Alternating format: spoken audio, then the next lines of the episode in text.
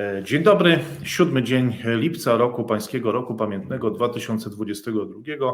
Radosław Pyfer, witam Państwa bardzo serdecznie. Siódmy dzień e, lipca, jednocześnie 134 dzień wojny, 134 dzień agresji Federacji Rosyjskiej na Ukrainę. I proszę Państwa, tradycyjnie zaczynam od podziękowań dla wsparcia, które od Państwa otrzymujemy z całego świata i z całej Polski. E, dzisiaj zapuszczamy się e, tak jak co dzień w, w, ciągu tych ostatnich 134 dni, bo to 134 e, dzień kiedy, z rzędu, kiedy nagrywam dla Państwa jakiś komentarz i publikuję go na tym kanale. Mm, zapuszczamy się na cyfrową sieć, proszę Państwa, zapuszczamy się do środkowoeuropejskiego Shangri-La, do świata banału w formie takiego geopolitycznego stand-upu czy można powiedzieć, że dzień jak co dzień z dala od świata realu, z dala od powagi e, mainstreamu e, i tego, co, co właśnie obserwujemy na tych obszarach publicznej działalności. A proszę Państwa, e, dzisiaj temat, tak na dobrą sprawę, jeżeli przejrzymy się tym wydarzeniom, które rozgrywają się na świecie, to temat jest jeden i trzeba zacytować klasyka Donalda Trumpa China, China, China, China, China, China, China, China. I stąd też, proszę Państwa, nawet i to e, tło, bo pytanie jest dzisiaj podstawowe takie, jaki będzie kolejny ruch e, Chin. To akurat zdjęcie wykonane przed szczytem BRICS e, w czasie spotkania właśnie no, takiej dyskusji odnośnie właśnie nowej inicjatywy globalnego rozwoju, zainicjowanej przez Xi Jinpinga z udziałem przywódców różnych państw, tutaj Państwo widzicie w tle. No ale jednak temat Chin dominuje w polityce światowej, przynajmniej w tych ostatnich dniach, a tak będzie w dzisiejszym komentarzu, bo e, przeglądając to, co się dzieje, no, wychodzi na to, że wszystko dotyczy Chin albo czeka na jakieś oświadczenie ze strony Chin. E, no i, i to będzie pierwszy, e, pierwsza część tego dzisiejszego długiego bardzo, to już nie ma co ukrywać komentarza, więc jeżeli jesteście Państwo gdzieś w podróży, e, gdzieś jedziecie albo wracacie do domu, no to ten komentarz będzie się idealnie nadawał, bo, bo zajmie sporo czasu. Więc Chiny to po pierwsze, po drugie, no polityka światowa, bo ona no jednak nie kręci się tylko wokół Chin, E, jednak są inne mocarstwa inne imperia, które mają coś jeszcze do powiedzenia, no i oczywiście też inne kraje, e, więc to będzie druga część, e, ta może taka pozachińska. Trzecia, no to oczywiście Ukraina i bezpośrednie otoczenie międzynarodowe Polski i zakończymy kilkoma doniesieniami z rynków finansowych. I to tyle, jeśli chodzi o siódmy dzień lipca na cyfrowej siczy, proszę Państwa.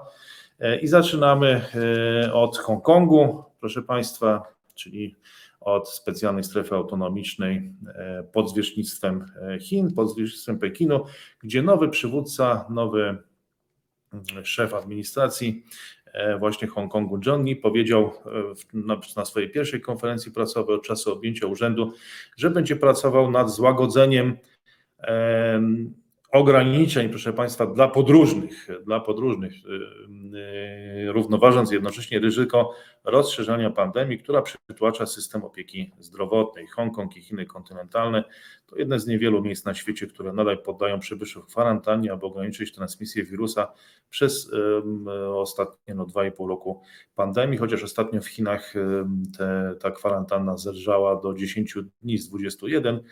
E, większość podróżnych przyjeżdżających do Hongkongu, on prowadzi oddzielną własną politykę, jest zobowiązana do odbycia siedmiodniowej obowiązkowej kwarantanny wyznaczonych hotelach. Mm, e, no, w ogóle sprawa pandemii w Azji przez cały czas była jednym z głównych tematów. Wygląda na to, że do Europy ten temat dopiero powraca teraz. I znowu jesteśmy w Hongkongu. Teraz wypowiada się e, Xi Jinping, e, który stwierdził, że prawdziwa demokracja rozpoczęła się w Hongkongu w 1997 roku, 25 lat temu, a więc wtedy, kiedy Hongkong przeszedł pod zwierzchnictwo e, Pekinu. Po powrocie do ojczyzny rodacy z Hongkongu stali się panami własnych spraw. Ludzie z Hongkongu zarządzali Hongkongiem z wysokim stopniem autonomii i to był początek prawdziwej demokracji w Hongkongu. To powiedział Xi w przemówieniu do urzędników Hongkongu z okazji 25. rocznicy przekazania miasta przez Brytyjczyków. No bo jak pamiętamy, przed 97 roku no raczej gubernatorzy i ci na najwyższych stanowiskach, ludzie na najwyższych stanowiskach raczej pochodzili z Wielkiej Brytanii. Chyba taka tutaj jest definicja demokracji Xi Jinpinga, że ona jest wtedy, kiedy rządzą ludzie z danego miasta, czy rządzą lokalsi, czy ludzie, lokalne elity z, z namaszczenia Pekinu. Jak rządzili Brytyjczycy, no to wtedy demokracji nie było i zresztą no, ona zaczęła być wprowadzana, tak się składa, nie przed 1984 rokiem, ale po 1997, no, kiedy już Brytyjczyków nie było, dopiero wtedy jakby może dojrzała sytuacja do, do właśnie demokracji, demokracji w Hongkongu. No ale tymczasem Macao rozpoczęło nową serię testów na COVID-19 dla ponad 600 tysięcy mieszkańców. No to w tym mieście to już e, znaczący procent.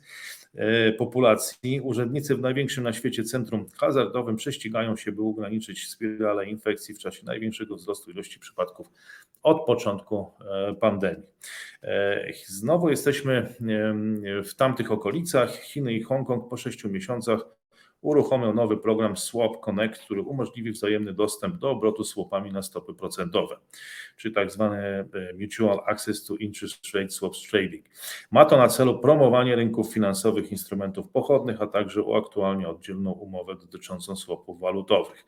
I ta decyzja to e, no, taka najnowsza próba ingerencji rynków, integracji chińskich rynków z zagranicznymi została ogłoszona tego samego dnia, w którym Chiny i Hongkong uruchomiły ETF Connect, a wcześniej podobne programy ułatwiające transgraniczne inwestycje w akcje i obligacje.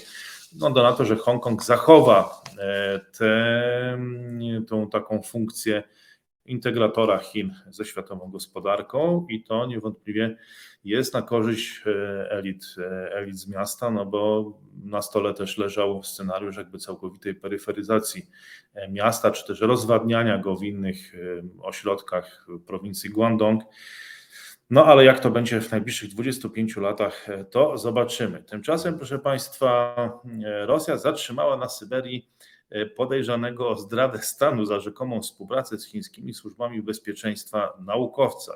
O tym poinformowała agencja prasowa TASS, czyli rosyjska agencja prasowa, poinformowała o tym, że rosyjski naukowiec został zatrzymany za rzekomą współpracę z chińskimi służbami. Tutaj TASS powołała się na władze regionalne i rodzinę zatrzymanego Dmitrij Kolker, bo o nim mowa, doktor fizyki i matematyki z Nowosybirskiego Uniwersytetu Państwowego, którego E, na którego stronie internetowej możemy przeczytać, że jest kierownikiem Laboratorium Kwantowych Technologii Optycznych, został zatrzymany pod zarzutem zdrady stanu. No proszę Państwa, wiem, że widzowie, słuchacze no, uwielbiają tego typu e, tematy, jakieś rozgrywki gdzieś tam między służbami, no ale problem polega na tym, że no, trudno to skomentować, bo nie mamy e, pełnej wiedzy.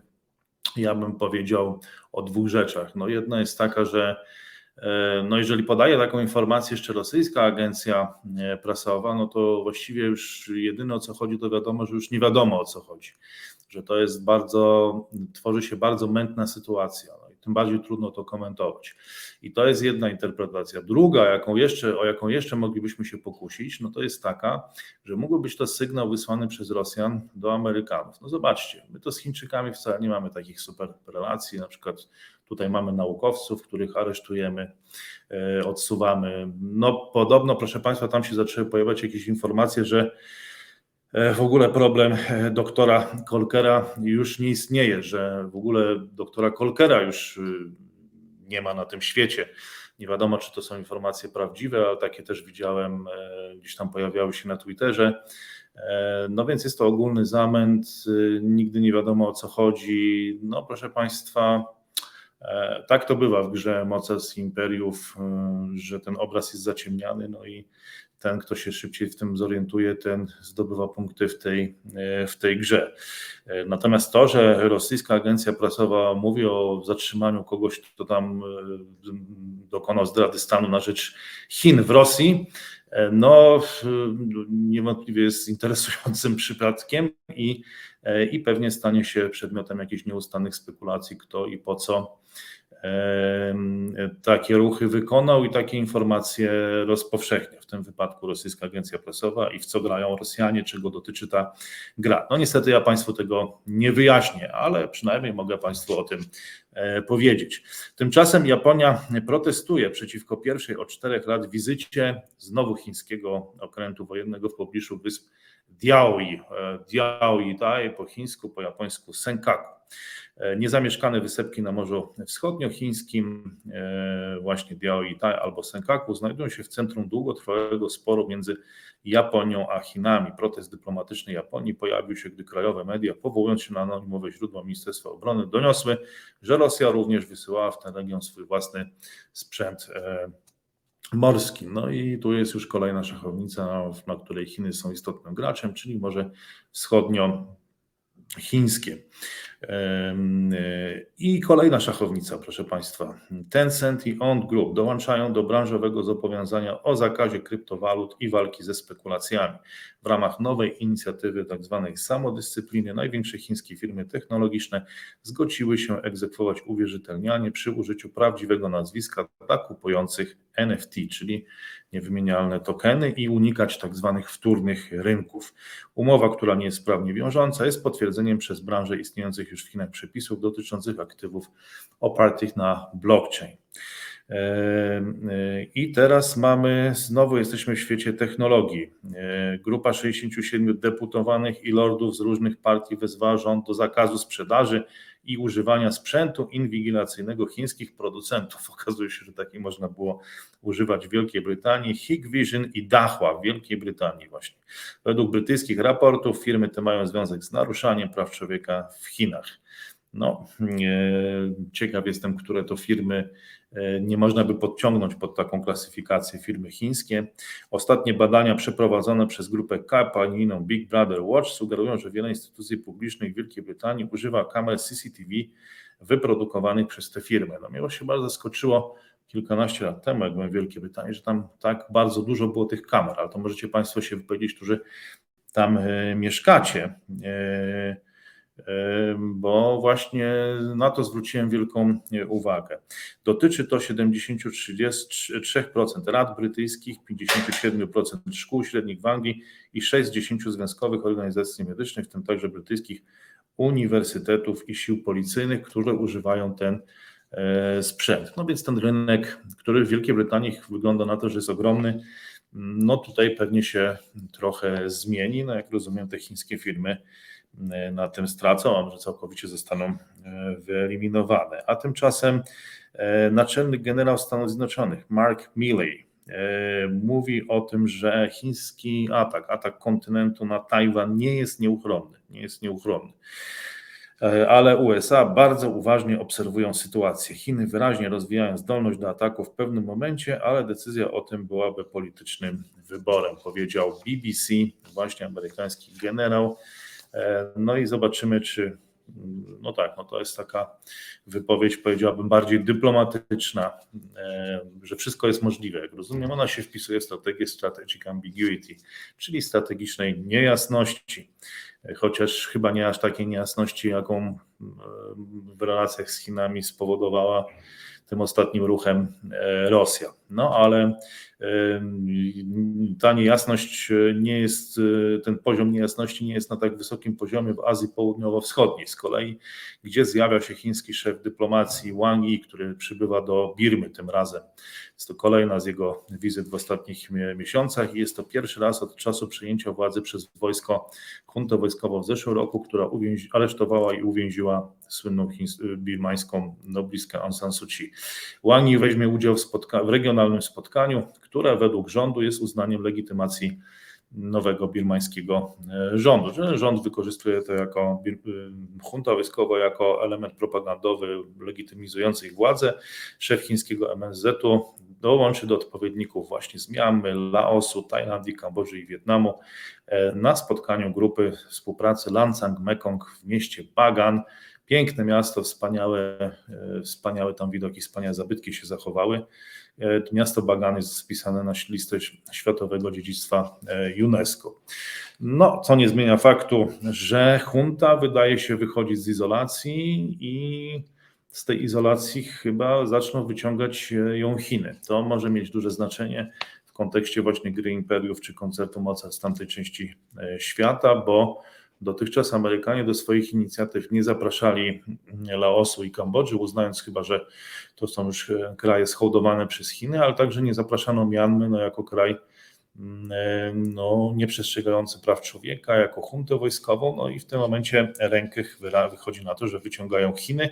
Nic przeciwko temu nie mają, nie ma Laos, e, Kambodża, no to akurat nie jest niespodzianka, ale także Tajlandia i Wietnam których ministrowie również będą uczestniczyć w tym spotkaniu. E, I proszę Państwa, mm, e, reportaż państwowej telewizji pokazał Wanga i innych właśnie ministrów zagranicznych obijających się łokciami w geście solidarności przed rozpoczęciem tego e, spotkania.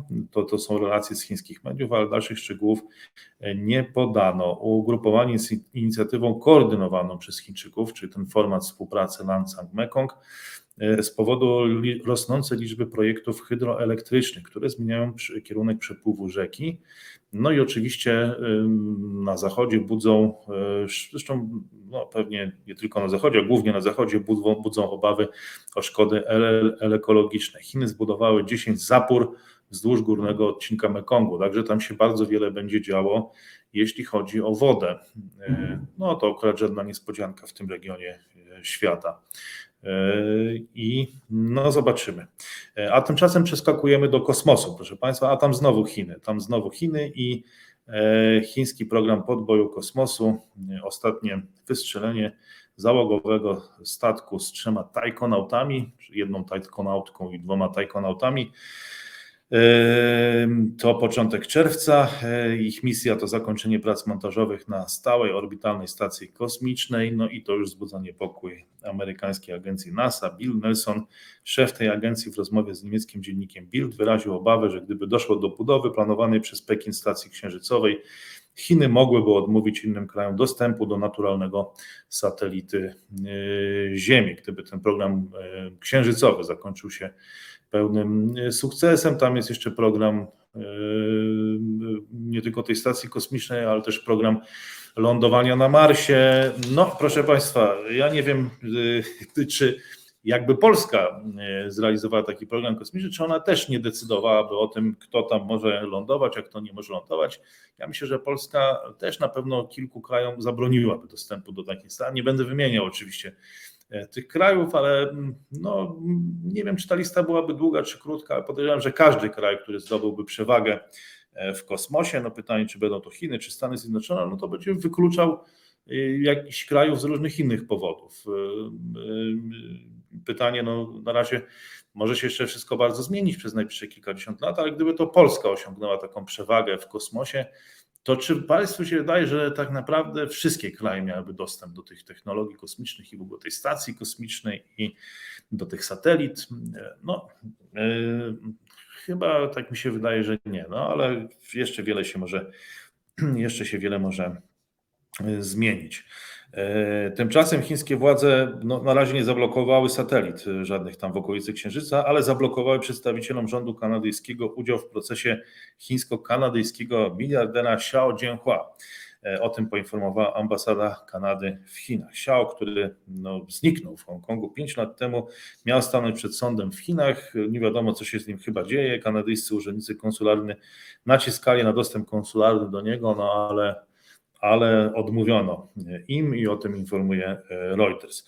Tymczasem Chiny stworzą Państwowy Fundusz Inwestycyjny w infrastrukturę o wartości 75 blisko miliardów dolarów, aby pobudzić wydatki na infrastrukturę i ożywić słabnącą gospodarkę. O tym poinformował Reuters.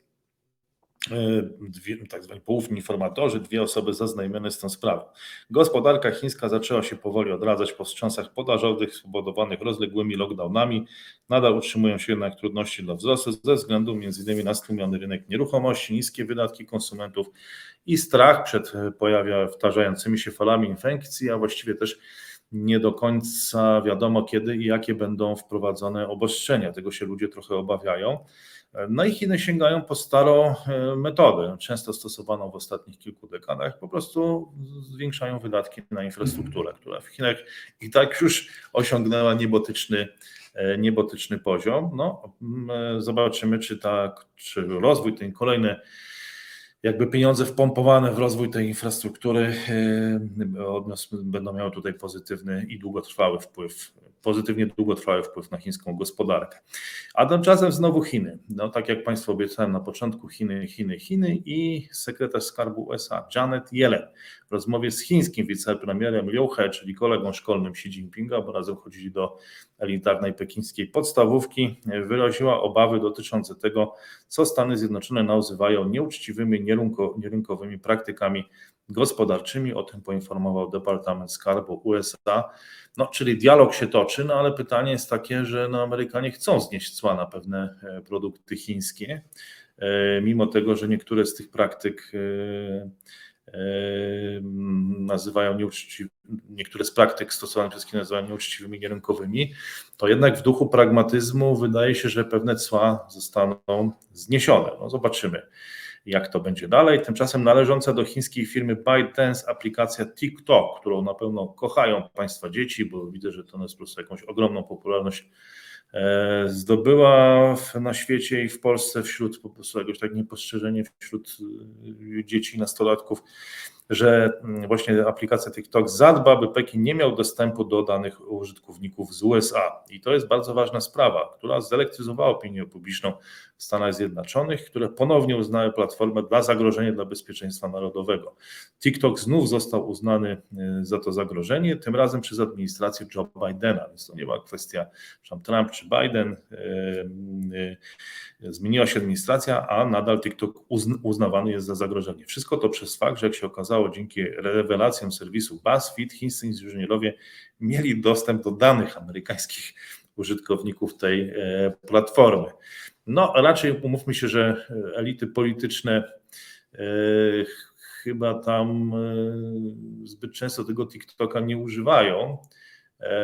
No, ale mm, no, ale nie wiem, ale pewnie, no, chyba zdaje się, że chyba premier Kanady tam ma takie E, czy kandydat na premiera. Niektórzy politycy to nieźle opanowali tą w ogóle formułę jakichś takich 15-minutowych, 15 sekundowych wygłupów. No ja bym, proszę Państwa, godzinnych komentarzy na TikToku raczej nie zamieścił. No ale dobrze. Teraz Chiński Fundusz Jedwabnego Szlaku, który podpisał umowę z Indonezyjskim Funduszem Majątkowym i finansowym. Współpraca zaciśnie więzy gospodarcze między dwoma krajami. Indonezja, jak Państwo pamiętacie, była jednym z kluczowych krajów Jedwabnego Szlaku.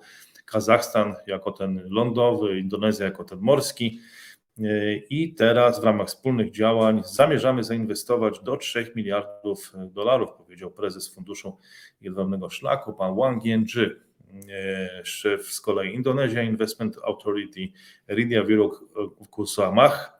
Dodał, że jest to krok korzystny dla obu stron, więc trochę tego kapitału zostanie skierowanych w stronę chyba największego państwa muzułmańskiego, jakim jest Indonezja, no, która potrzebuje, co tu dużo mówić, nowej infrastruktury i która potrzebuje tego kapitału, żeby tę infrastrukturę budować. Może właśnie w ramach programu tego G7, o którym się dużo mówi, że tam ma być te 600 miliardów e, dolarów skierowanych, no to pewnie spora część z nich do Indii i Indonezji. Jak sądzę. No, ale to zobaczymy w najbliższych latach, jak ten projekt będzie działał i na ile będzie balansował właśnie takie inicjatywy, jak ta niewielka 3 miliardowa umowa między Funduszem Jedwabnego Szlaku a Indonezją. Proszę Państwa, e, po raz pierwszy, mimo że przenosimy się e, na bliską zagranicę, do Niemiec, naszego bliskiego partnera z Unii Europejskiej, to i tak będzie o Chinach, bo pierwszy raz od 1991 roku bilans handlowy Niemiec jest ujemny, jest ujemny, a to dlatego, że dwaj kluczowi partnerzy, Niemiec, Rosja i Chiny, no jednak troszkę się oddalają, te relacje gospodarcze się osłabiają, oczywiście ze względu na sankcje, ale nie tylko. E, troszkę rozwój wydarzeń na świecie to powoduje i to sprawia, że na światowych giełdach papierów wartościowych żadna niemiecka firma nie zmieściła się w pierwszej setce i to już może być, e, no, czerwona lampka może się zapalić, to już może być sygnał alarmowy. To poważny znak, że czwarta co do wielkości gospodarka świata nie jest już taką potęgą, czy traci trochę na znaczeniu w wyniku tego rozwoju sytuacji i bardzo jestem ciekaw, jak niemieckie elity przemysłowe będą reagować. Mówiłem tutaj na tym kanale, że zarówno Volkswagen, jak i BMW mówią, że będą rozwijać biznes w Chinach, że to będzie kluczowy e, rynek. Oczywiście wszystko będzie z zachowaniem europejskich standardów, e, praw pracowniczych, no ale kierunek jest jasny. Chiny, Chiny, Chiny, Chiny, Chiny, jak mówił Donald Trump. No tylko pytanie, czy uda się utrzymać tą wysoką pozycję gospodarczą. Więc no, myślę, że my mamy pewne dylematy związane z sytuacją e, na Ukrainie i tego, w którą stronę to wszystko pójdzie, no ale również i takie dylematy mają nasi e, partnerzy z Unii Europejskiej za naszą zachodnią e, granicą, no, którzy pytanie jest, czy utrzymają się w tej światowej ekstra, ekstralice w wyniku tego, tego, tego zamieszania i co zrobią, czego będzie wymagała sytuacja, żeby się w tej ekstralidze utrzymali. Tymczasem, proszę Państwa, haker o pseudonimie China Den. China Den włamał się do systemu informatycznego policji w Szanghaju. Cyberprzestępca przejął dane miliarda obywateli Chin, a następnie zaoferował w sieci sprzedaż informacji o objętości 23 terabajtów za kwotę 200 tysięcy dolarów. To nie jest jakaś wysoka kwota za dane do miliarda chińskich obywateli, no ale takie artykuły właśnie w wirtualnej Polsce się ukazały. No i jeśli te doniesienia okażą się prawdziwe, proszę Państwa, to był to jeden z największych ataków hakerskich w historii globalnej sieci. Czy rozumiem, że to są pogłoski? Według informacji Reutersa, czyli to jest przedruk z Reutersa, haker twierdzi, że zdobył z systemu informatycznego policji w Szanghaju prywatne informacje na temat miliarda obywateli Chin, co zdaniem ekspertów technologicznych, jeśli jest prawdą, byłoby jednym z największych naruszeń danych w historii. No i tylko 200 tysięcy dolarów coś mi się nie chce e, wierzyć. E, e, bo zawsze w Chinach wszystkie te kwoty to są tak przynajmniej o jedno, dwa, trzy zera większe. Więc jeżeli największe wykradzenie danych w historii, to podejrzewam, że i kwoty dużo większe.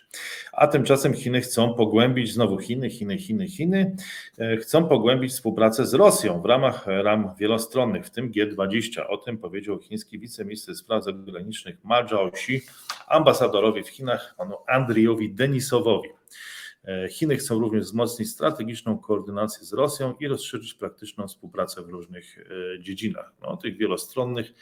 No to jest nic zaskakującego, bo Chiny tutaj wystawiły jakby Rosję, która wzięła całe ryzyko na siebie i cały koszt no, przemodelowania tego systemu światowego i teraz w wyniku tego ten e, system się trochę rozbujał, powstają różnego rodzaju e, właśnie wielostronne formaty, no i Chiny ogłaszają, że bardzo chętnie będą tam z Rosją w tych wielostronnych formatach współpracować. No, dalej pewnie tam siedząc na wzgórzu, wspierając właśnie Rosję w ten sposób, ale też nie za bardzo, żeby e, nie ponieść jakiegoś ryzyka czy jakichś kosztów związanych z sankcjami i tak dalej, i tak dalej. No, obserwujemy to już od 134 e, mniej więcej dni. Chiny to jedyna duża gospodarka obiecująca w tym roku odbicie E, się wzrostu, ponownie przyciąga zagranicznych inwestorów. No ci są ważni, nie tylko Rosja jest ważna, zagraniczni inwestorzy też są ważni, jednak obawa, że Pekin może pewnego dnia skończyć jako gospodarka odsunięta od światowych rynków, tak jak Rosja, no stanowi pewnego rodzaju, e, pewnego rodzaju ograniczenie. Pewnego rodzaju ograniczenie, no w związku z czym, e, w związku z czym Chiny muszą tak lawirować, to musi być taki ruch węża. Widzę, że to już jest chyba słowo, które udało mi się wprowadzić, proszę do języka potocznego w Polsce, bo jak gdzieś tam rozmawiam z wieloma osobami, gdzieś tam w kuluarach czy za kulisą, to wszyscy mówią właśnie o tym ruchu, o tym ruchu węża, które dzisiaj wiele krajów wykonują. No oczywiście ruchu węża, który jest no, obcy, obcy polskiemu myśleniu o polityce, przynajmniej oficjalnie, przynajmniej oficjalnie. E, no i tutaj mniej więcej możemy określić to pole manewru dla tego ruchu węża ze strony Chin, bo z jednej strony no Rosja, którą e, popierają Chiny gdzieś tam właśnie w tych wielostronnych e, inicjatywach, także tutaj, proszę Państwa, przecież ten, zdaje się, że tutaj no też mamy mm, przywódcę rosyjskiego uczestniczącego w tym dialogu na temat globalnego rozwoju, który Państwo widzicie, widzicie w tle i przedstawicieli innych krajów, również staje się Iranu, jeśli dobrze dostrzegam tutaj po swojej lewej stronie. No w każdym razie z jednej strony właśnie te wielostronne formaty i, i współpraca czy popieranie Rosji w nich, a z drugiej strony, z drugiej strony zagraniczni inwestorzy, chociaż nawet choć może i z Niemiec, może i z Francji, z wielu innych krajów. No więc właśnie tak to e, wygląda, proszę Państwa. Tymczasem ambasador Chin, znowu Chin, Chiny, Chiny, Chiny, Chiny, China, China, China, China, China, Chin, ambasador Chin w Afganistanie Wang Yi Yu, a nie I, e, bo to jest jeden z Wang Yi, to jest szef dyplomacji, to jest Wang Yu, wspólnie z pełniącymi obowiązki ministra do spraw zarządzania katastrofami w administracji talibskiej ogłosił przeznaczenie 8 milionów dolarów na pomoc po trzęsieniu ziemi z 22 czerwca, w którym zginęło ponad 100 osób. No 8 milionów dolarów to nie jest jakaś oszałamiająca kwota, ale e, dla Afganistanu no każda tego typu kwota może mieć znaczenie zwłaszcza dla utrzymania stabilności w tym, w tym kraju, proszę Państwa, bo, bo, no, mm, bo będzie to bardzo istotne dla w ogóle rozwoju sytuacji e, na globalnej szachownicy. Chociażby spotkanie BRICS ostatnie to były cztery, wskazano cztery punkty zapalne na świecie. Pierwszy to oczywiście Ukraina, ale oprócz tego jako drugi był Afganistan, jako trzeci Iran i jako czwarty e, e, Korean Peninsula, czyli Półwysep Koreański. E, a tymczasem, proszę Państwa, przenosimy się do Watykanu, ale tutaj Państwa nie zaskoczę, znowu chodzi o relacje z Chinami. E, ale najpierw e, informacja o tym, że papież Franciszek powołał pierwszego kardynała pochodzącego z Amazonii.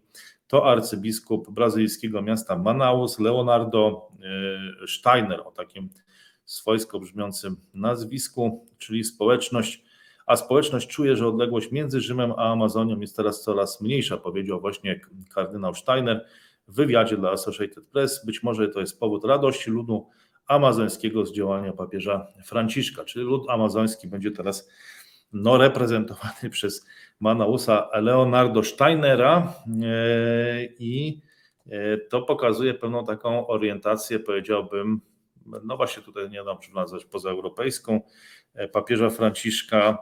E, no, ale ona budzi wiele kontrowersji w Polsce. Właściwie chyba jest w Polsce nie do zaakceptowania. Ludzie nie dowierzają temu, co się dzieje, co się dzieje naprawdę. E, I pewnie to także wiele emocji wzbudzi to, co papież Franciszek powiedział o porozumieniu z Chinami. Też prawdę mówiąc, trochę nawet i mało to było dyplomatyczne, bo no ale dobra, najpierw powiedzmy, co powiedział, a potem to już skomentuję. Więc powiedział, że tajne i kontrowersyjne porozumienie Watykanu z Chinami e, w sprawie mianowania biskupów rzymskokatolickich nie jest idealne, ale ma nadzieję, że może zostać odnowione w październiku, ponieważ Kościół patrzy dalekowzrocznie. Czyli o ta, ta decyzja zapadnie dopiero w październiku. Natomiast papież Franciszek już mówi, że chciałby, chciałby przedłużyć to porozumienie. Po raz pierwszy zostało zawarte w 2018 roku, jest odnawiane co dwa lata, czyli zostało odnowione w 2020 roku i teraz decyzja ma zapaść w październiku 2022 i już e, no, następca świętego Piotra, głowa Kościoła katolickiego mówi, że już, że chce to przedłużać. To jest, nie wiem, no może na przykład Pekin wiedząc, że on tak bardzo chce przedłużyć, no to można na przykład powie teraz, że jeszcze się zastanowimy, no może, może nie przedłużymy może akurat tego porozumienia. W każdym razie ono było próbą zagodzenia, proszę Państwa, długotrwałego podziału w Chinach y, kontynentalnych, bo inaczej jest na innych obszarach tych chińskich, w Hongkongu jest inaczej, między podziemną społecznością lojalną wobec, y, wobec papieża, a wspieranym y, ta podziemna społeczność, no to taka, w której biskupi byli mianowani, nie byli mianowani przez Związek Religijny Chiński, tak, państwowy. No bo, bo drugi, drugi element, no to było to państw, ten kościół oficjalny właśnie, gdzie, gdzie, gdzie władze mianowały biskupów. No teraz obie strony uznają, obie strony uznają oczywiście papieża za formalnie przywódcę kościoła katolickiego i tam E, dokonano takiego, takiej umowy, że władze będą mianować tych biskupów, a Watykan zdaje się, będzie będzie ich akceptował i chyba akceptuje w dużej mierze. E, ale to trzeba by dokładnie sprawdzić, bo to jest no, dysputa, proszę Państwa, e, trwająca już kilkadziesiąt lat, tak na dobrą sprawę. No i widać, że mm, papież Franciszek tutaj e, nie prowadzi jakiejś ostrej, konfrontacyjnej polityki wobec władz chińskich, tych pekińskich. Idzie daleko na kompromis. Idzie daleko na kompromis. To może się nie podobać, proszę Państwa, monsierowi Javierowi Herena Koronie, takiemu nieoficjalnemu przedstawicielowi Watykanu w Hongkongu, który na zakończenie swojej sześcioletniej pracy w mieście powiedział o wystąpieniu dla 50 katolickich misji w Hongkongu. Co ciekawe, katolikiem jest John Lee i katolikiem była Carrie Lam, czyli ci, którzy stoją obecnie na czele administracji w Hongkongu. E, no a szef tych, on do tych 50 katolickich misji w Hongkongu powiedział, że skończyły się wolności, którym cieszyli się, cieszyły się te misje przez dziesięciolecia. Odbył cztery takie spotkania w ciągu ostatnich kilku miesięcy, pierwsze w październiku zeszłego roku, no i ten 54-letni meksykański prałat powiedział katolickim misjonarzom, aby przygotowali się na trudniejszą przyszłość, ponieważ Chiny Pekin zacieśnia kontrolę nad miastem, wezwał do ochrony majątku, akt i funduszy misji. Czyli można powiedzieć, że nie, nie, wykluczył, chociaż nie powiedział tego wprost, ale chyba nie wykluczył jakiejś formy zejścia do podziemia w Hongkongu. No a tymczasem na kontynencie dzieją się inne rzeczy, bo papież Franciszek idzie mocno na kompromis i mówi o tym, że chce go przedłużyć o kolejne, e, o kolejne dwa lata, więc to jest, no myślę, że ciekawa kwestia dla wszystkich doskonale zaznajomionych z historią Kościoła i w ogóle tą e, sprawą. No jakie tutaj będą ruchy Chin w tej sprawie, to zobaczymy. E, no ale jak Państwo widzicie, to kolejna szachownica i to kolejna niezwykle interesująca, ciekawa e, rozgrywka. A teraz, teraz taka informacja nieoczywista. Proszę Państwa, mały sukces, pewien sukces promocyjny w Chinach odniosła Białoruś a konkretnie no, białoruskie sklepy internetowe, które zostały założone na no, takich internetowych platformach sprzedażowych GD.com i właśnie Duoin. E, I tam reklamowano e, białoruskie czekoladki, chipsy. Ja do tej pory chyba nie miałem okazji spróbować w polskich sklepach, chyba tych produktów nie ma, e, białoruskich czekoladek i chipsów i transmisja na żywo w Duoin, w której uczestniczył ambasador Białorusi Juri Senko, ambasador Białorusi w Chinach, przyciągnęła ponad 200 tysięcy wyświetleń. No jak na Chiny to nie jest jakaś oszałamiająca liczba, no ale jednak sporo. E, I te sklepy na Duoin i GD.com zostały stworzone przez spółkę joint venture białorusko-chińską. O tym pisze South China Morning Post jednak gazeta w Hongkongu, ale taka raczej przychylna, mm, przychylna Chinom, no ale jednak jest to ciekawe wydarzenie i coś tam Białorusinom się e, udaje. No przynajmniej udaje im się sprawiać to, żeby dużo o Białorusi e, mówić. E, czy uda się Iranowi? Proszę Państwa, to czas pokaże, bo on tnie koszty produkcji ropy, aby zdobyć przyczółek w Chinach i konkurować z Rosją. To, że obniża ceny ropy, to akurat chyba jest dobrze dla tych, którzy wprowadzają sankcje, bo doprowadza do obniżenia tej ceny e, ropy, no i chce właśnie na rynku chińskim konkurować z Rosją. Co to znaczy? No to znaczy, że tu zyskują Chiny, bo mogą sobie wybierać albo Rosja, albo może jeszcze taniej z Iranu, a może jeszcze ktoś coś tańszego zaproponuje. E, I no, siedzimy na wzgórzu i, i nie tyle obserwujemy walczące tygrysy, co siedzimy na wzgórzu i skupujemy ropę, proszę Państwa.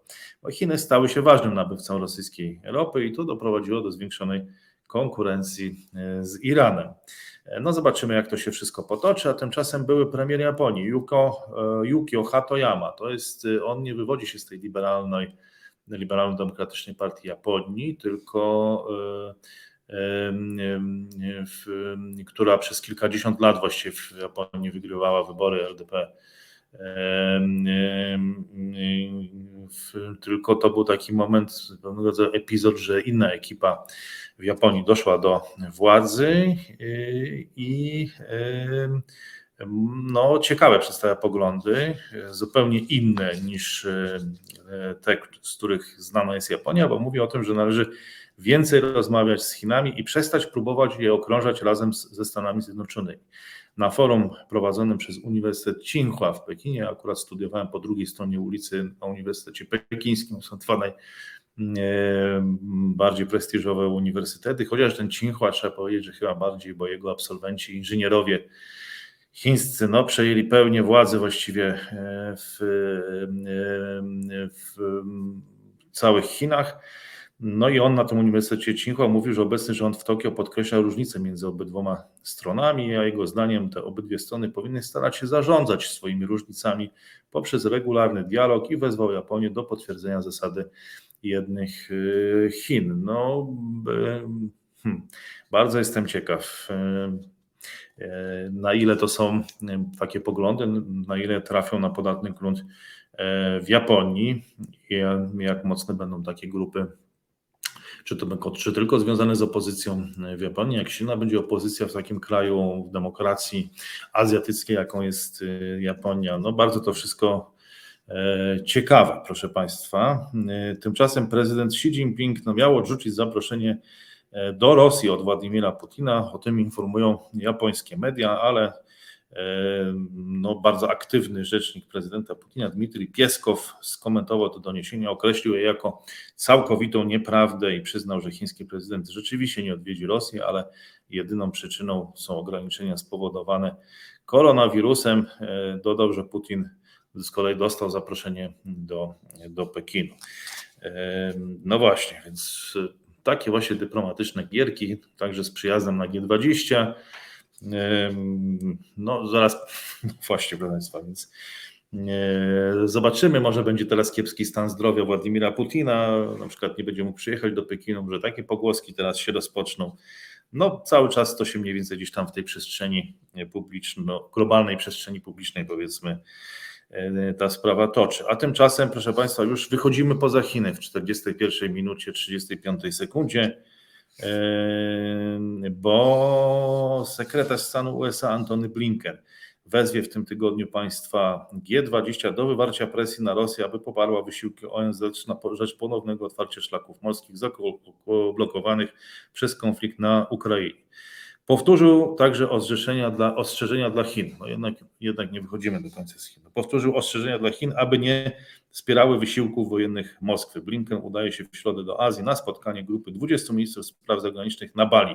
Jego podróż obejmie pierwsze od października spotkanie no, znowu z chińskim odpowiednikiem Wang Yi. Nie przewiduje się spotkania z szefem rosyjskiej dyplomacji Siergiejem e, Ławrowem. Czyli no nie, jeszcze nie wyszliśmy z Chin, no ale ale chyba teraz już e, tym komunikatem, proszę Państwa, ambasadora Ukrainy w Turcji, Wasyla Bodnara, e, e, przechodzimy do rozważań o polityce globalnej, gdzie właśnie ambasador Ukrainy w Turcji poinformował, że statek towarowy przewożący zboże z okupowanego przez Rosję regionu Ukrainy został zatrzymany przez tureckie organy celne. W pełni współpracujemy. Statek stoi obecnie przy wejściu do portu, został zatrzymany przez tureckie organy celne płynął pod rosyjską banderą na jego trasie z ukraińskiego portu Berdiańsk do Karasu, na, do Karsu, na, Karsu czy chyba czy Karasu na tureckim wybrzeżu Morza Czarnego. Nie jest jednak jasne skąd pochodził ładunek, ani w jaki sposób został pozyskany. Tymczasem Stany Zjednoczone muszą wypełnić swoje międzynarodowe zobowiązania dotyczące zmian klimatycznych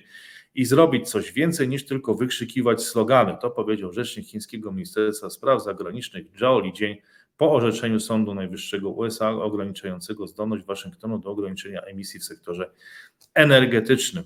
E, no właśnie, więc e, no, wygląda na to, że tak jak to chyba kiedyś Henry Kissinger mówił, no to już niedługo Chiny zaczną rozliczać e, Stany Zjednoczone z stosowania się do polityki klimatycznej, praw człowieka pewnie też. No na razie tutaj nie wiadomo, czy, ben, czy to tylko taka krytyczna wypowiedź, czy będą wyciągane konsekwencje, bo Joe Lidzien twierdzi, że to jest tylko wykrzykiwanie e, sloganów, a potem Sąd Najwyższy ogranicza zdolność do ograniczania emisji w sektorze energetycznym. A Sąd Najwyższy przegłosował ograniczenie uprawnień Agencji Ochrony Środowiska USA do regulowania emisji gazów cieplarnianych z istniejących elektrowni węglowych i gazowych, wywołując konsternację wśród ekologów.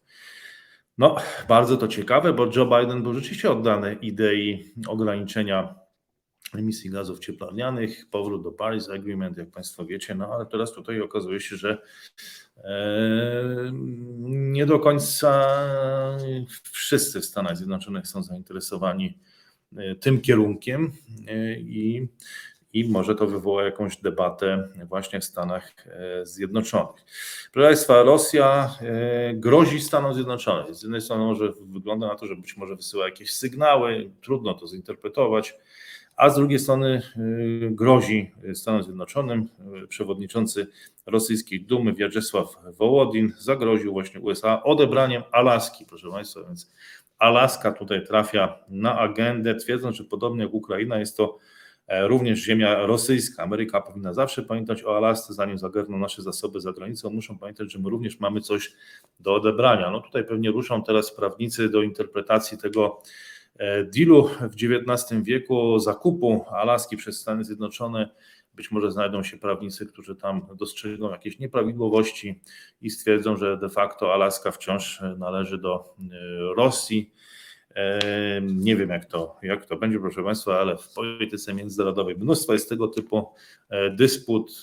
No i zobaczymy, jak to będzie z tymi prawnikami i, i czy się znajdą tacy, ilu ich będzie, jakich będą używać argumentów no, udowadniając, że z tą Alaską ten, ta sprzedaż to jednak nie jest ważna, nie jest obowiązująca, że czegoś tam w tej umowie zabrakło i w związku z tym no, może, może Alaska znowu wróci pod, pod zwierzchnictwo Federacji Rosyjskiej, pod zwierzchnictwo Moskwy.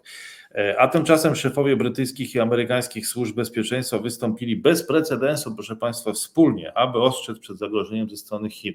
No znowu to są takie działania służb jakby publiczne w otwarte karty. Dyrektor FBI Christopher Wray powiedział, że Chiny są największym długoterminowym zagrożeniem dla naszego bezpieczeństwa gospodarczego i narodowego i ingerowały w politykę, w tym ostatnie wybory. No to jest trochę taka, powiedziałbym, zaskakująca wypowiedź, bo wyglądało na to, że do tej pory w wybory to ingerowały Rosjanie. A teraz okazuje się, że no, dyrektor FBI twierdzi, że również Chiny ingerowały bezpośrednio w politykę w Stanach e, Zjednoczonych. Mocna deklaracja, powiedziałbym, mocna, e, mocna deklaracja. Zdaje się, że w Stanach chyba jedni i drudzy uważają, że Chiny ingerowały po stronie obydwu kandydatów, znaczy dążąc do ich, do ich wyboru. No zobaczymy, jak to zostanie w Stanach e, w końcu ostatecznie ustalone, jakie to będzie miało konsekwencje dla amerykańskiej debaty publicznej, a tymczasem szef MI5 e, Ken McCollum powiedział, że jego służba więcej niż podwoiła pracę przeciwko chińskiej działalności w ciągu ostatnich trzech lat i będzie chciała go podwoić ponownie. No nie wiem, czy proszę Państwa, to oznacza, że kolejny James Bond już, nie wiem, będzie, będzie walczył z, z Chinami. No nie wiem, to by chyba oznaczało, że w Chinach nie będzie wyświetlany, e, więc to też byłaby ważna decyzja z punktu widzenia takiego komercyjnego. No w każdym razie MI5 prowadzi obecnie 7 razy więcej dochodzeń związanych z działalnością Komunistycznej Partii Chin w porównaniu z 2018 e, rokiem. No wygląda na to, że Tutaj się wiele Wielkiej Brytanii zmieniło, bo pamiętam, że jak był Brexit, to była niesamowicie wtedy w 2016 roku taka wizyta Xi Jinpinga, gdzie podejmowano z wielkimi honorami. On przyjechał z specjalną karocą pod pas Buckingham i wydawało się, że wtedy Wielka Brytania będzie balansować w kierunku Chin, ale jak Państwo widzicie, raczej w, w innym kierunku to poszło. I tutaj Christopher Wray z FBI ostrzegł, gdyby Chiny zajęły siłą Tajwan, stanowiłoby to jedno z najbardziej przerażających zakłóceń w działalności gospodarczej, jakie świat kiedykolwiek e, widział. E, no to chyba akurat e, mniej więcej właśnie nie wiadomo, czy o tą działalność gospodarczą, czy chodzi o te półprzewodniki, ale jak z tą produkcją półprzewodników jest w Chinach? To jest ciekawa sprawa. Temu by się warto przyjrzeć, bo czy Chiny są już w stanie robić swoje półprzewodniki? E, no, takie raczej powiedziałbym e, dosyć e, często spotykane w innych mediach, oświadczeniach, wypowiedziach stwierdzenie właśnie Christophera Waya z FBI, a pierwsze w historii wspólne publiczne wystąpienie obu dyrektorów miało miejsce w siedzibie MI5 Times House w Londynie.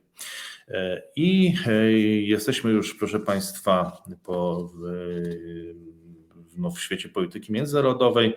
Niedawne no to już tak cały czas mówię, że opuszczamy Chiny, po czym okazuje się, że cały czas jakieś te wątki dotyczą jednak Chin.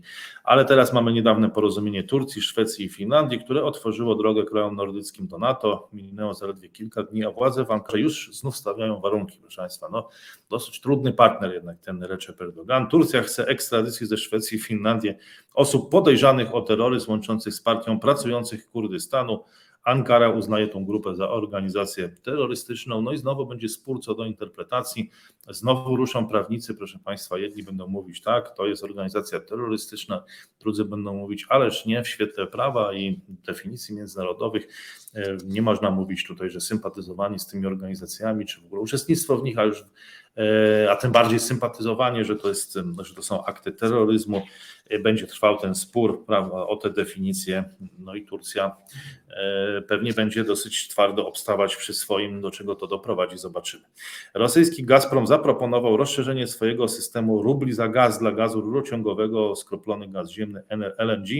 O tym poinformowała agencja Interfax. Propozycja Kirilla Polusa, zastępcy szefa Departamentu Gazpromu, chyba mam wrażenie jakiegoś bałtyckiego pochodzenia, bo tak to brzmi Kirill Polos, to może nie wiem, z Łotwy.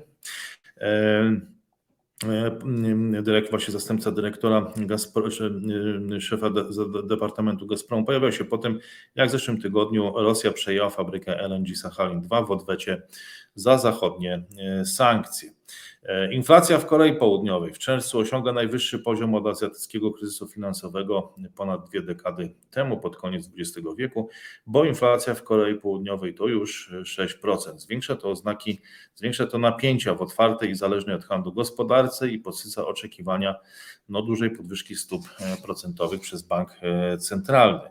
A tymczasem prezydent Korei Południowej Yoon Suk Yeol, który no, ostatnio prowadzi taką aktywną politykę zagraniczną, powiedział, że rząd agresywnie tnie wydatki i sprzedaje aktywa w przedsiębiorstwach publicznych, aby lepiej alokować wydatki publiczne w kierunku rosnącego popytu na opiekę społeczną. On ma takie libertariańskie podejście. Ja się tak w sumie, prawdę mówiąc, dziwię, że jeszcze jakiegoś poparcia dla tego prezydenta Korei Południowej nie wyraziła Konfederacja, bo no on tak po prostu patrzy na, to trochę jak Trump tak mówi, no patrzy na ten Excel i mówi, no tutaj nie, słuchajcie, to za drogo kosztuje, trzeba się pozbyć tych aktywów, bo to po prostu generuje koszty i musimy, tu się musi po prostu zgadzać w Excelu w budżecie.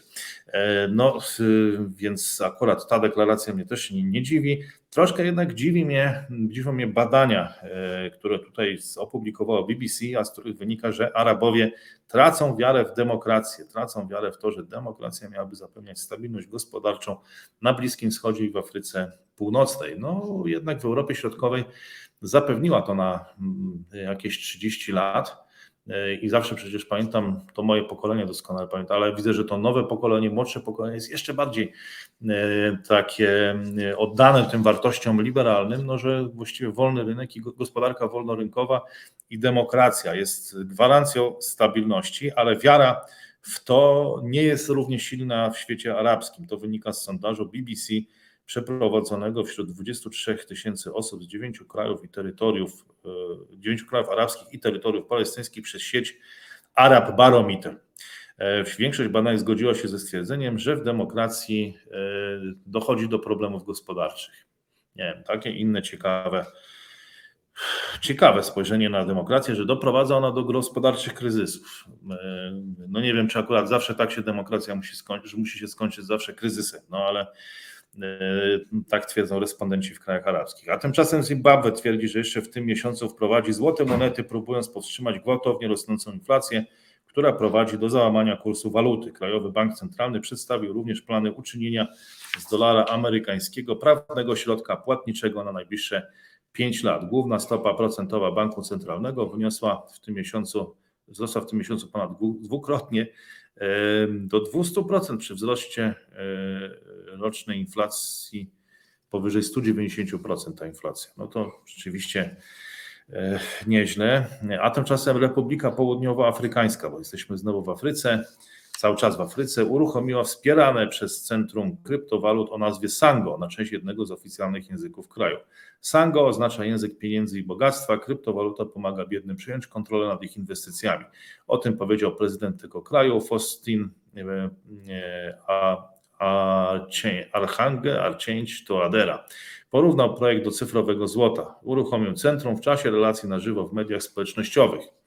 Republika Środkowoafrykańska przyjęła Bitcoina jako prawny środek e, płatniczy w maju, jako drugi po Salwadorze kraj na świecie. Jak ktoś ma bitcoiny i nie wie, co z nimi zrobić, to może pojechać do Salwadoru e, i do Republiki Środkowoafrykańskiej i tam sobie coś kupić. E, na to, na, to, na to wygląda i to oznacza, że Bitcoin już nie jest jakimś wirtualnym aktywem, tylko można nim pójść i kupić sobie lizaka do sklepu. Eee, nie wiem, czy tam akurat sprzedają lizaki w Salwadorze i w Republice Środkowoafrykańskiej, eee, ale na pewno w Indiach używają Twittera i Twitter podjął w Indiach działania prawne przeciwko rządowym eee, nakazom usunięcia treści. Gigant właśnie mediów społecznościowych, którym cały czas interesuje się Elon Musk, złożył wniosek do Sądu Najwyższego w stanie Karnataka odrzucając kilka takich nakazów. Kilka godzin po złożeniu petycji minister federalny Rajiv Chandrasekhar napisał na Twitterze, że wszystkie zagraniczne platformy internetowe muszą przestrzegać indyjskich przepisów. Według szacunków e, Twitter ma w Indiach 24 miliony użytkowników. To niewiele, proszę Państwa, niewiele. Jak na miliardowy kraj 24 miliony, ja nie wiem, czy w Polsce nie ma porównywalnej e, liczby. Nie wiem, czy Państwo znacie tą liczbę, 10 milionów, czy e, ile, ile jest użytkowników Twittera w Polsce ale w Indiach tylko 24 miliony. E, to jest chyba WhatsApp jest znacznie popularniejszy w Indiach. E, w każdym razie zostajemy, zostajemy właśnie w Indiach, bo indyjska agencja zajmująca się zwalczaniem przestępczości finansowej dokonała nalotu na biura producentów smartfonów Vivo, należącego do chińskiego BBK Electronics i powiązanych z nim podmiotów. O tym powiedział Reutersowi wysoki rangą urzędnik państwowy i dyrektor E, branżowy. E, jak donoszą lokalne media, przeszukania stanowią część śledztwa w sprawie podejrzenia prania e, pieniędzy. No tak, tu pokazuje, że jednak BRICS no jakimś zintegrowanym sojuszem, proszę Państwa, to nie jest i tak długo nie będzie, dopóki właśnie będzie dochodzić do tego typu przeszukań i tam ostatnio też zablokowana transakcja dla chińskiego podmiotu, który chciał odkupić aktywa amerykańskie w Indiach no to jednak wszystko daje trochę do myślenia. E, przywódca Korei Północnej Kim Jong-un zwołał bezprecedensową konferencję, której celem było wzmocnienie partii robotniczej Korei, e, monolitycznego przywództwa w całym e, społeczeństwie. O tym informują dzisiejsze media państwowe w tym kraju. A również bardzo ważna rzecz w Japonii, proszę Państwa, bo tam w niedzielę wybory do Izby Wyższej i tutaj Kishido Fumia, premier Japonii, no jest żywotnie tymi wyborami zainteresowany, bo dałyby one mu mocniejszą kontrolę nad skłóconą partią i pozwoliło wyjść z cienia no, e, potężnego poprzednika. E, więc e, bardzo ważne wybory dla, dla Japonii, no, która jest ważnym krajem w tym koncercie mocarstw, jednak dosyć, e, wydaje się, że jednak dosyć, dosyć istotny.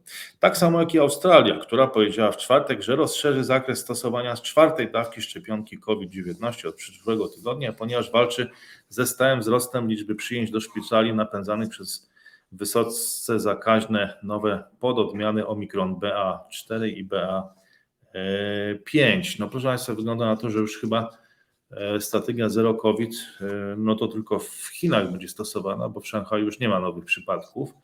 Udało się to osiągnąć jakąś, no bo nieprawdopodobnym wysiłkiem.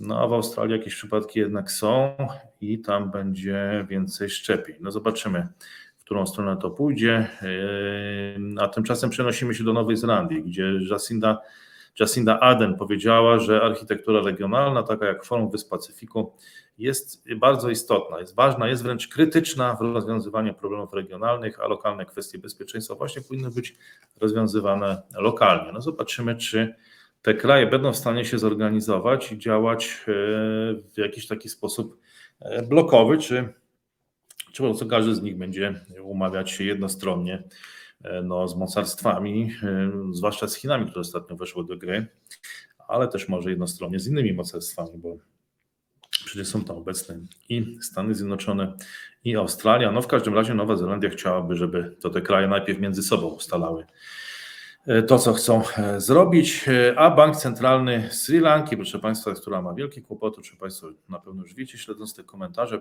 podnosi w czwartek swoje stopy procentowe o cały punkt aby uporać się z rekordowo wysoką inflacją i powstrzymać e, wszelkie narastanie popytu bazowego. To komunikat Banku Centralnego Sri Lanki, która, proszę Państwa, co ciekawe, prezydent Sri Lanki mówi o tym, że poprosił o pomoc rosyjskiego prezydenta Władimira Putina. No to jest niesamowita historia. Zresztą wydaje się, że to Rosja dzisiaj musi powiedzieć, ale są kraje, które proszą właśnie Rosję o pomoc w sprowadzeniu paliwa do kraju, bo kraj z kolei boryka się z największym kryzysem gospodarczym od czasów uzyskania niepodległości od Wielkiej Brytanii w 1948 roku. Gotabaya Rajapaksa powiedział, że miał bardzo produktywną dyskusję z panem Putinem. To następuje po tym, jak minister energii Sri Lanki ostrzegł w weekend, że w kraju może wkrótce zabraknąć benzyny. W środę setki ludzi wyszły na ulicę stolicy Colombo, by protestować przeciwko rządowi. Poprosiłem o ofertę wsparcia kredytowego w celu importu paliwa.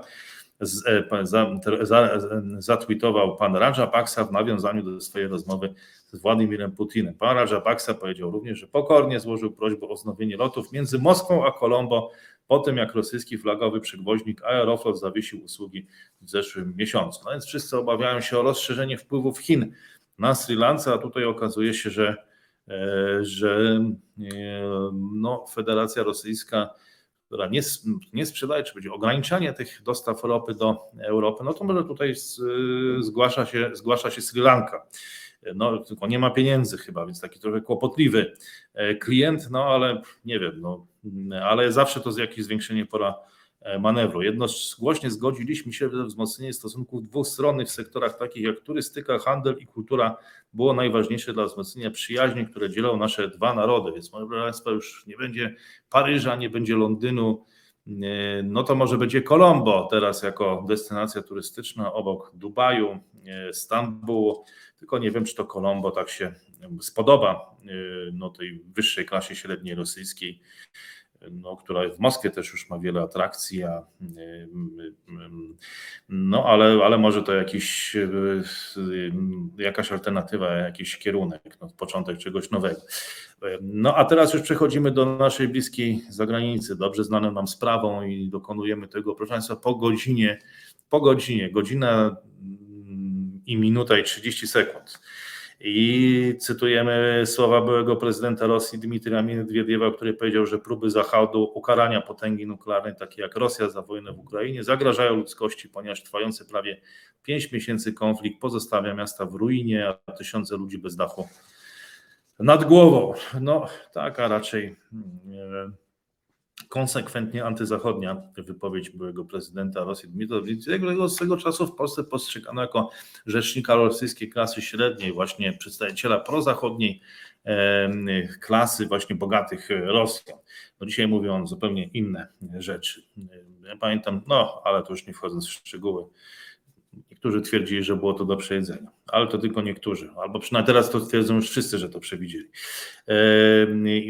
Ale nie wiadomo, czy wszyscy przewidzieli inwazję Rosji na Ukrainę, która, że zaostrzy ona światowy kryzys żywnościowy. Eksperci twierdzą, że jest to element celowej taktyki Kremla, by wywołać głód na świecie i wywierać tym samym nacisk na zachodnią koalicję, która wspiera Ukrainę. Rosja ma plan głodowy. Władimir Putin przygotowuje się do zagłodzenia całej części rozwijającego się świata jako kolejnego etapu wojny w Europie. Napisał na Twitterze Timothy Snyder, historyk z Yale i ekspert od autorytaryzmu, dodając, że Rosja, że Moskwa planuje zagłodzić Azjatów i Afrykanów, aby wygrać wojnę w Europie. Taka ciekawa figura retoryczna, e, pewnego rodzaju paradoks. No myśmy, proszę Państwa, też o tym mówili w rozmowie z doktorem Tomaszem Pawłuszko, to polecam, że istnieją inne szachownice poza tą bojową, czy tą bitewną, tą e, batalistyczną szachownicą właśnie no, że to jest też jakby element wywierania presji. Timothy Snyder akurat jest znany jako, jako autor no, bardzo krytycznie nastawiony do reżimu moskiewskiego i on pisze o tym wprost takimi ostrymi słowami. Tymczasem Ukraińcy chwalą zachodnią artylerię i zdradzają kulisy rozmów z Rosją. W ciągu ostatniej doby Rosjanie nie zdobyli ani kawałka ukraińskiego terytorium i to pierwszy taki przypadek od początku wojny, o tym informuje Instytut Badań nad Wojną. E, konkretnie Michał Podolak, doradca szefa Kancelarii Prezydenta Zełęskiego, powiedział, że obecnie tylko podgrupa do spraw humanitarnych prowadzi negocjacje z Rosją. Są pewne kontakty, ale na poziomie podgrup humanitarnych, bo zawsze trzeba rozwiązywać zarówno kwestie wymiany więźniów, jak i wymiany ciał, ale no, dosyć ostro, jak na wypowiedź dyplomatyczną. Ale jeśli to możliwe, to należy również otworzyć pewne korytarze humanitarne. Z polityczno-dyplomatycznego punktu widzenia jesteśmy teraz w stanie pauzy, powiedział Podoliak.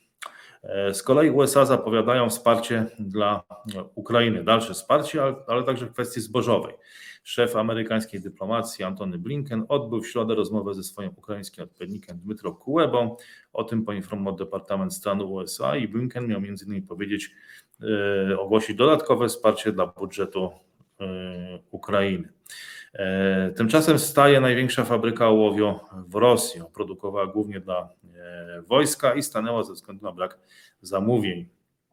Podobny los dotknął więcej rosyjskich przedsiębiorstw, które przerywają pracę przez brak importowanych składników, trudności z eksportem lub minimalny popyt na krajowym rynku. No to może pojawią się Chiny, Indie, może Sri Lanka o coś poprosi, no ale w każdym razie kłopoty jakieś, jak widać, są przynajmniej w sektorze ołowiowym. Zobaczymy, e, jak to będzie w innych sektorach. I proszę Państwa, tutaj w godzinie i piątej minucie przechodzimy do e, rynków finansowych i świata korporacji. Proszę Państwa, to nie jest kraj dla biednych ludzi nieoczekiwane skutki kryzysu mieszkaniowego w Niemczech. Bowiem brak mieszkań w Berlinie powoduje, że w kilku dzielnicach miasta powstają osiedla dla osób mieszkających w przyczepach kempingowych, czyli trochę tak jak w Ameryce, proszę Państwa. No, w, trochę jak w Ameryce.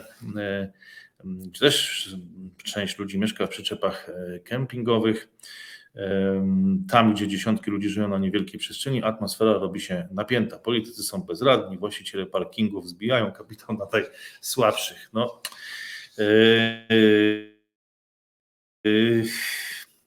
no proszę Państwa, no mam nadzieję, że nie dożyjemy takich czasów w Europie, że no, zwłaszcza zachodniej, to aż trudno w to uwierzyć, że ludzie będą mieszkać na parkingach przy rzepach kempingowych, no ale Ciekawe, ciekawe zjawisko. Zobaczymy, co będzie dalej. Tymczasem e, British Airways likwiduje 10 300 kolejnych lotów krótkodystansowych, które miały pojawić się w rozkładzie jazdy między sierpniem a końcem października.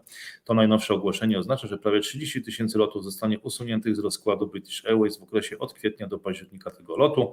Odwołania dotyczą lotnisk Heathrow, Gatwick i City, City w Londynie. Nie wiem, czy ktoś lata państwo pewnie latacie e, dużo, no i to się będzie zmieniać w ogóle w tej branży lotniczej. Bardzo to jest ciekawe. No. E, te przeobrażenia w dużej mierze od kilku lat dotykają właśnie tą branżę, która zmaga się z brakami kadrowymi, ponieważ podróż na, popyt na podróże lotnicze odbił się po restrykcjach covidowych. Cały przemysł nadal mierzy się z istotnymi wyzwaniami, a my jesteśmy całkowicie skoncentrowani na budowaniu odporności na naszą operację, aby dać klientom pewność, na którą zasługują E, ogłosiła, ogłosiła firma. Rory Boland, e, redaktor Witch Travel, powiedział, że najnowsze odwołania były potępiającym oskarżeniem o niepowodzenia British Airways w zarządzaniu letnim harmonogramem lotów. Tymczasem bank, zostajemy na Wyspach Brytyjskich, Bank Anglii zasugerował dalsze podwyżki stóp procentowych, e, obiecując sprowadzić inflację z powrotem do poziomu 2%. No to ważna deklaracja. Skupił się na obniżaniu cen i uczynieniu życia bardziej przystępnym. E, tak to, to powiedział główny ekonomista Haupił przy przemówieniu w środę. E, w maju inflacja w Wielkiej Brytanii wyniosła już ponad 9%, jest najwyższy, najwyższy od 40 lat, a stopy procentowe na 13-letnim rekordowym poziomie no 1,25 punktu procentowego. Phil, Phil powiedział, że jest otwarty na głosowanie za podwyżką stóp procentowych e, o kolejno 0,25 punktu procentowego. Jest to ta sama wartość, na którą Bank Anglii zdecydował się przy ostatnich pięciu podwyżkach stóp procentowych z rzędu. A funt spada do dwuletnich minimum w stosunku do dolara w związku z rosnącymi obawami o recesję na całym świecie, gdy ceny energii nadal rosną. Analitycy stwierdzili, że funt sterling, który w pewnym momencie był notowany poniżej dolara 19 jest słaby również dlatego, że rynki obawiają się o przyszły wzrost gospodarczy Wielkiej Brytanii. Funt może spać jeszcze niżej, bardziej po prognozach stagnacji gospodarczej i w miarę wzrostu inflacji, dodają. Londyńskie akcje odzyskały nieco gruntu po spadkach we wtorek. Rezygnacja dwóch starszych ministrów rządowych we wtorek wieczorem, w tym byłego kanclerza Rishi Sunaka, nie była znaczącym czynnikiem spadku funta. Główny strateg walutowy Rabobanku Jane Follen powiedział w programie BBC, Radio for Today. E, rynek jest bardzo zainteresowany wzrostem i tym, co zrobi ten rząd. Wiadomość sama w sobie nie stworzyła zbyt wielu dodatkowych nieszczęść, e, powiedziała Jane, powiedziała Jane Foley. E, proszę Państwa, większość ekonomistów zakłada, że wkrótce będziemy obserwowali w Polsce recesję. Pogorszenie koniunktury już się zaczęło, a z tygodnia na tydzień przybywa tylko dowodów, że sytuacja gospodarcza się pogarsza. To rodzi pytanie, czy spadki PKB przełożą się na wyhamowanie inflacji, a tym samym koniec podwyżek stóp procentowych. Ekonomiści widzą szansę, że taki scenariusz zacznie się wkrótce materializować. Jak będzie, to zobaczymy. Posiedzenie Rady Polityki Pieniężnej znajdzie się dziś w centrum uwagi. Zdaniem analityków podwyżka stóp procentowych jest nieunikniona. Zagadką pozostaje jedynie jej skala. Prognozy wahają się od 50 do 100 punktów e, e, procentowych. Oto co takie podwyżki, e, punktów bazowych, przepraszam, oto co takie podwyżki będą oznaczać dla kredytobiorców i tych, którzy wciąż rozważają zakup mieszkania, to się okaże. A kończymy, proszę Państwa, doniesieniem Pulsu Biznesu, który mówi o tym, że w Ksawerowie pod Łodzią powstanie japońska fabryka o wartości 300 milionów euro, ponad prawie 1,5 miliarda złotych. Czyli jest chęć, jeszcze przyciągamy inwestycje zagraniczne. Ta fabryka ma produkować pompy ciepła, które po fotowoltaice stały się głównym hitem transformacji energetycznej wybieranym przez e, Polaków. No proszę Państwa, to była godzina 10 takich solidnej dawki wiedzy, informacji z całego z całego świata i nie tylko. Dzisiaj troszeczkę spóźnionych, a to ze względu na agrounii, protest agrounii akurat przeciwko Centralnemu Portowi Komunikacyjnemu, więc e, no niestety zostały zablokowane ulice i nie dałem rady. E, I stąd pewne opóźnienie, no ale, ale w, no, mam nadzieję, że Państwu się podobało i że sporo nowych, interesujących informacji. Będę wdzięczny za e, komentarze. Proszę Państwa, jeszcze raz dziękuję za wsparcie z całego świata. Dziękuję na początku i dziękuję e, na końcu. E, jeśli się nie podobało, to się nie zmuszajcie Państwo ani do oglądania, ani do wspierania, natomiast zawsze będę Was namawiał, żebyście wspierali innych twórców. To jest bardzo ważne, daje dużą motywację i także jest to myślę, że na Państwa korzyść. To wsparcie dla innych autorów, niekoniecznie dla nas, chociaż my za wsparcie bardzo dziękujemy i znacznie powiększa nam to pole manewru i bardzo nam to pomaga i bardzo nas to motywuje. Życzę tego samego co zawsze, wyobraźni zdrowego rozsądku we właściwych proporcjach. Mam nadzieję, że zachowałem w tym komentarzu, chociaż przez godzinę 10 nie było łatwo, a przynajmniej niektórzy mogą stwierdzić, że w ogóle nagrywanie komentarzy ponadgodzinnych to jest zaprzeczeniem, jest brakiem wyobraźni i brakiem zdrowego rozsądku jednocześnie, no ale wierzę, że jednak, e, że jednak nie. E, życzę dystansu i obiektywizmu na tyle, na ile to możliwe, bo w 100% nigdy nie jest możliwe. Mam nadzieję, że mi się to w tym programie udało. Zawsze staram się, żeby tak było. Nie wiem, czy subskrypcje, czy dzwoneczki, czy jakieś tam łapki w górę, to już Państwo decydujcie sami. Ja zawsze bardzo się cieszę z wszystkich tych, którzy wracają do oglądania tego podcastu, tego kanału, nie dlatego, że podpowiada im to algorytm, ale dlatego, że taka jest ich decyzja, oni sami tego chcą. E, no i cóż, proszę Państwa, to tyle, jeśli chodzi o cyfrową e, sicz e, środkowoeuropejskiej Shangri-La w formie geopolitycznego stand-upu, jeśli chodzi o siódmy dzień lipca roku pańskiego roku pamiętnego 2022.